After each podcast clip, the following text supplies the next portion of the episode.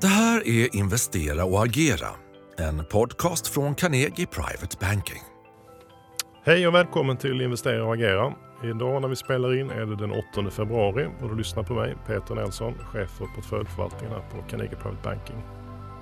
Förra veckan så fick vi räntebesked från både Fed och SEB och imorgon torsdag får vi det från Sveriges Riksbank där marknaden just nu prisar in 50 punkters höjning. Vi har också fått rätt stark data, framförallt från USA den senaste tiden. Så det, det är mycket som händer just nu och stora rörelser på marknaderna. Och jag tänkte att vi ska diskutera lite grann eh, hur marknaden reagerar på de här beskeden och vad vi tror framåt. Eh, nu under förmiddagen så presenterade vi också vår senaste strategirapport med vår senaste affärsidé och eh, marknadssyn. Så jag tänkte att vi kunde prata kort om den också.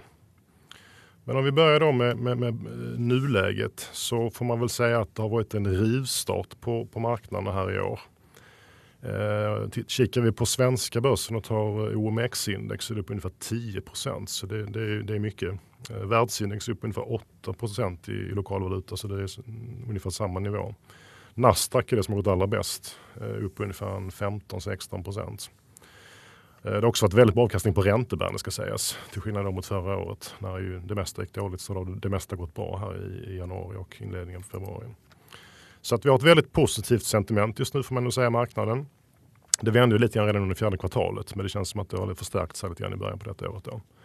Och det är väl några saker som ligger bakom det här. Eh, det ena är det här att marknaden spekulerar i att vi har någon inflationstopp som, som eh, vi ser eller precis har sett. Och det har fått räntorna att vända ner en del. Det är det som var problemet under hela förra året, att det var tvärtom kan man säga.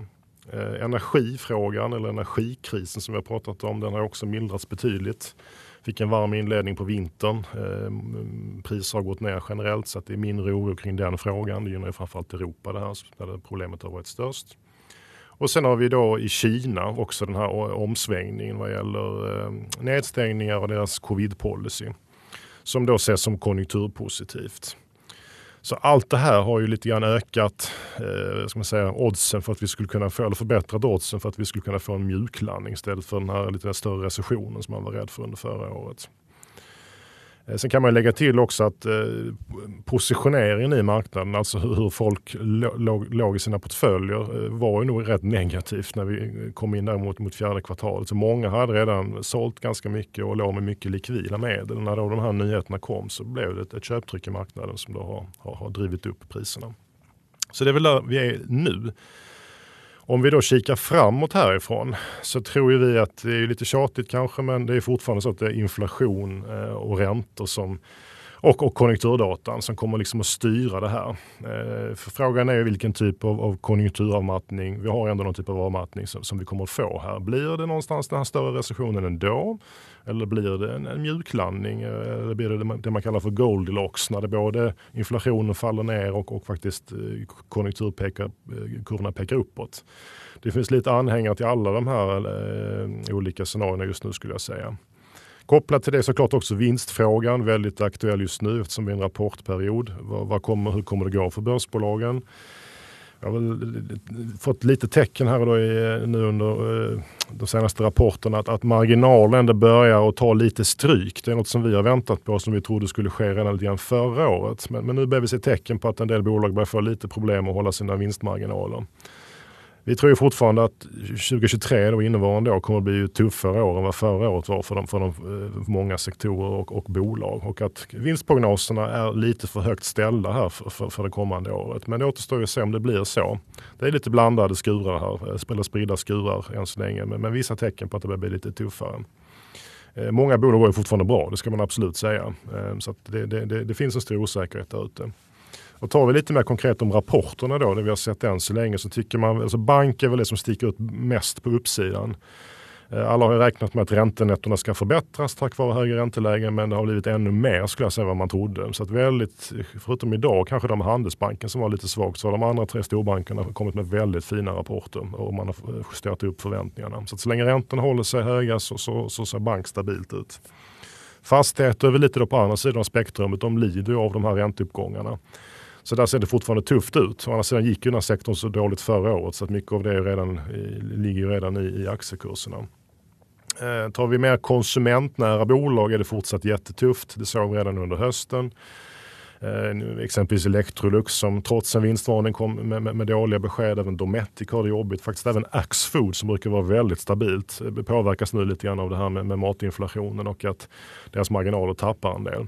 Så att tufft i konsument fortfarande. Ehm, och industri är väl det som tycker jag är svårast att bedöma. Det har som sagt kommit en del bolag där, där man ser lite marginalpress. Ehm, bland annat Atlas Copco och Volvo, två väldigt stora företag. Men utsikterna är fortfarande ändå helt okej. Okay.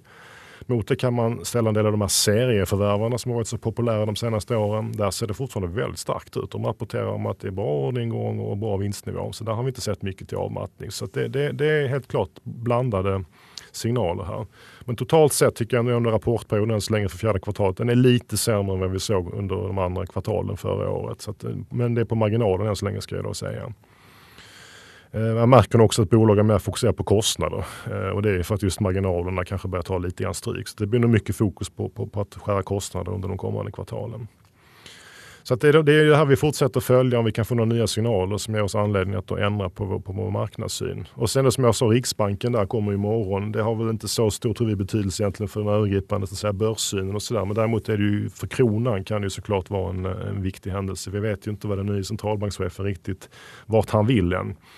Eh, det är förväntat av 50 punkters höjning. Det kommer säkert att komma också. Men det är ju signaler om de tycker det här med kronan. Att man kommer att göra något mer för att, för att, för att eh, stärka kronan. Det skulle ju kunna vara något som, påverkar vår valuta. Men man sitter lite i en rävsax här. För att stärka kronan behöver man få signalera då mer räntehöjningar. Frågan är tål vår ekonomi det? Tål fastighetsbolagen? Tål alla bolånetagare det? Det, det, det, är, väl, det, det är inget, inget lätt läge de sitter i helt enkelt.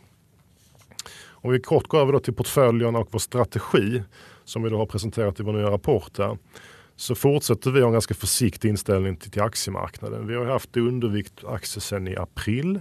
Det funkade väldigt bra under andra och tredje kvartalet. Det funkade då sämre under fjärde kvartalet när börsen började gå upp och har ju inte heller funkat bra här i inledningen på året.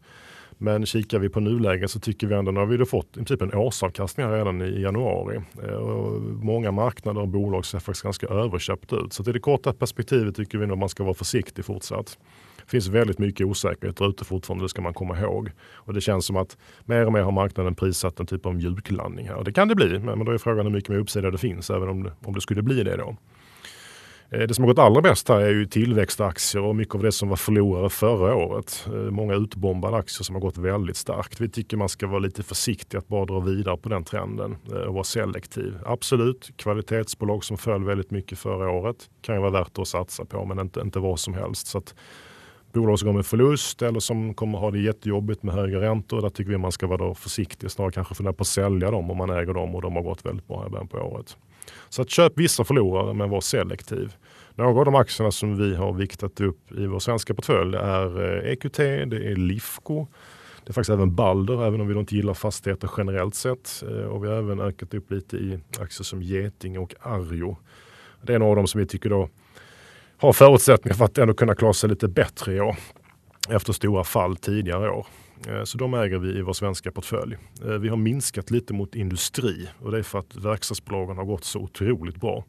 Eh, trots att ju konjunkturen fortfarande är ganska osäker. Och det, och det påverkar också synen på, på svenska börsen kan man säga eftersom faktiskt 40 procent av index är verkstad och industri. Så att det krävs ju att verkstad och industri fortsatt går bra då, om svenska börsen ska orka vidare härifrån. Ehm, den förändringen vi gjort i början på året i övrigt är att vi har viktat ner alternativa investeringar och istället gått övervikt mot räntebärande. Eh, så det är det nya kan man säga. Och eh, att vi vågar då satsa på räntor i det här läget det hänger ihop med att räntorna har kommit upp så mycket. Det var ett rekorddåligt år för obligationer förra året. Eh, ovanligt dålig avkastning. Och fördelen med det är att man nu har fått mycket bättre nivåer att, att, att komma in på eller att man fortsätter äga det, det man har. Nu har vi högre räntor och det ger ett bättre skydd för att även om räntorna skulle kunna faktiskt stiga lite grann till. Eh, det vi tycker bäst om är det vi kallar för europeiska investment grade obligationer. Det är alltså företagsobligationer från de lite mer trygga bolagen. Här kan vi få ganska bra räntor på sig mellan 4 och 5 procent eh, till relativt låg risk. Det tycker vi är ett bra alternativ i dagsläget. Så här, vi gillade inte detta förra året men, men i år tycker vi att nu kan, man, nu kan man satsa på det här. Dessutom får man faktiskt lite recessionsskydd i obligationer nu om det skulle, trots allt skulle bli en större sättning än vad många tror nu. Då, då kommer obligationer att klara sig betydligt bättre.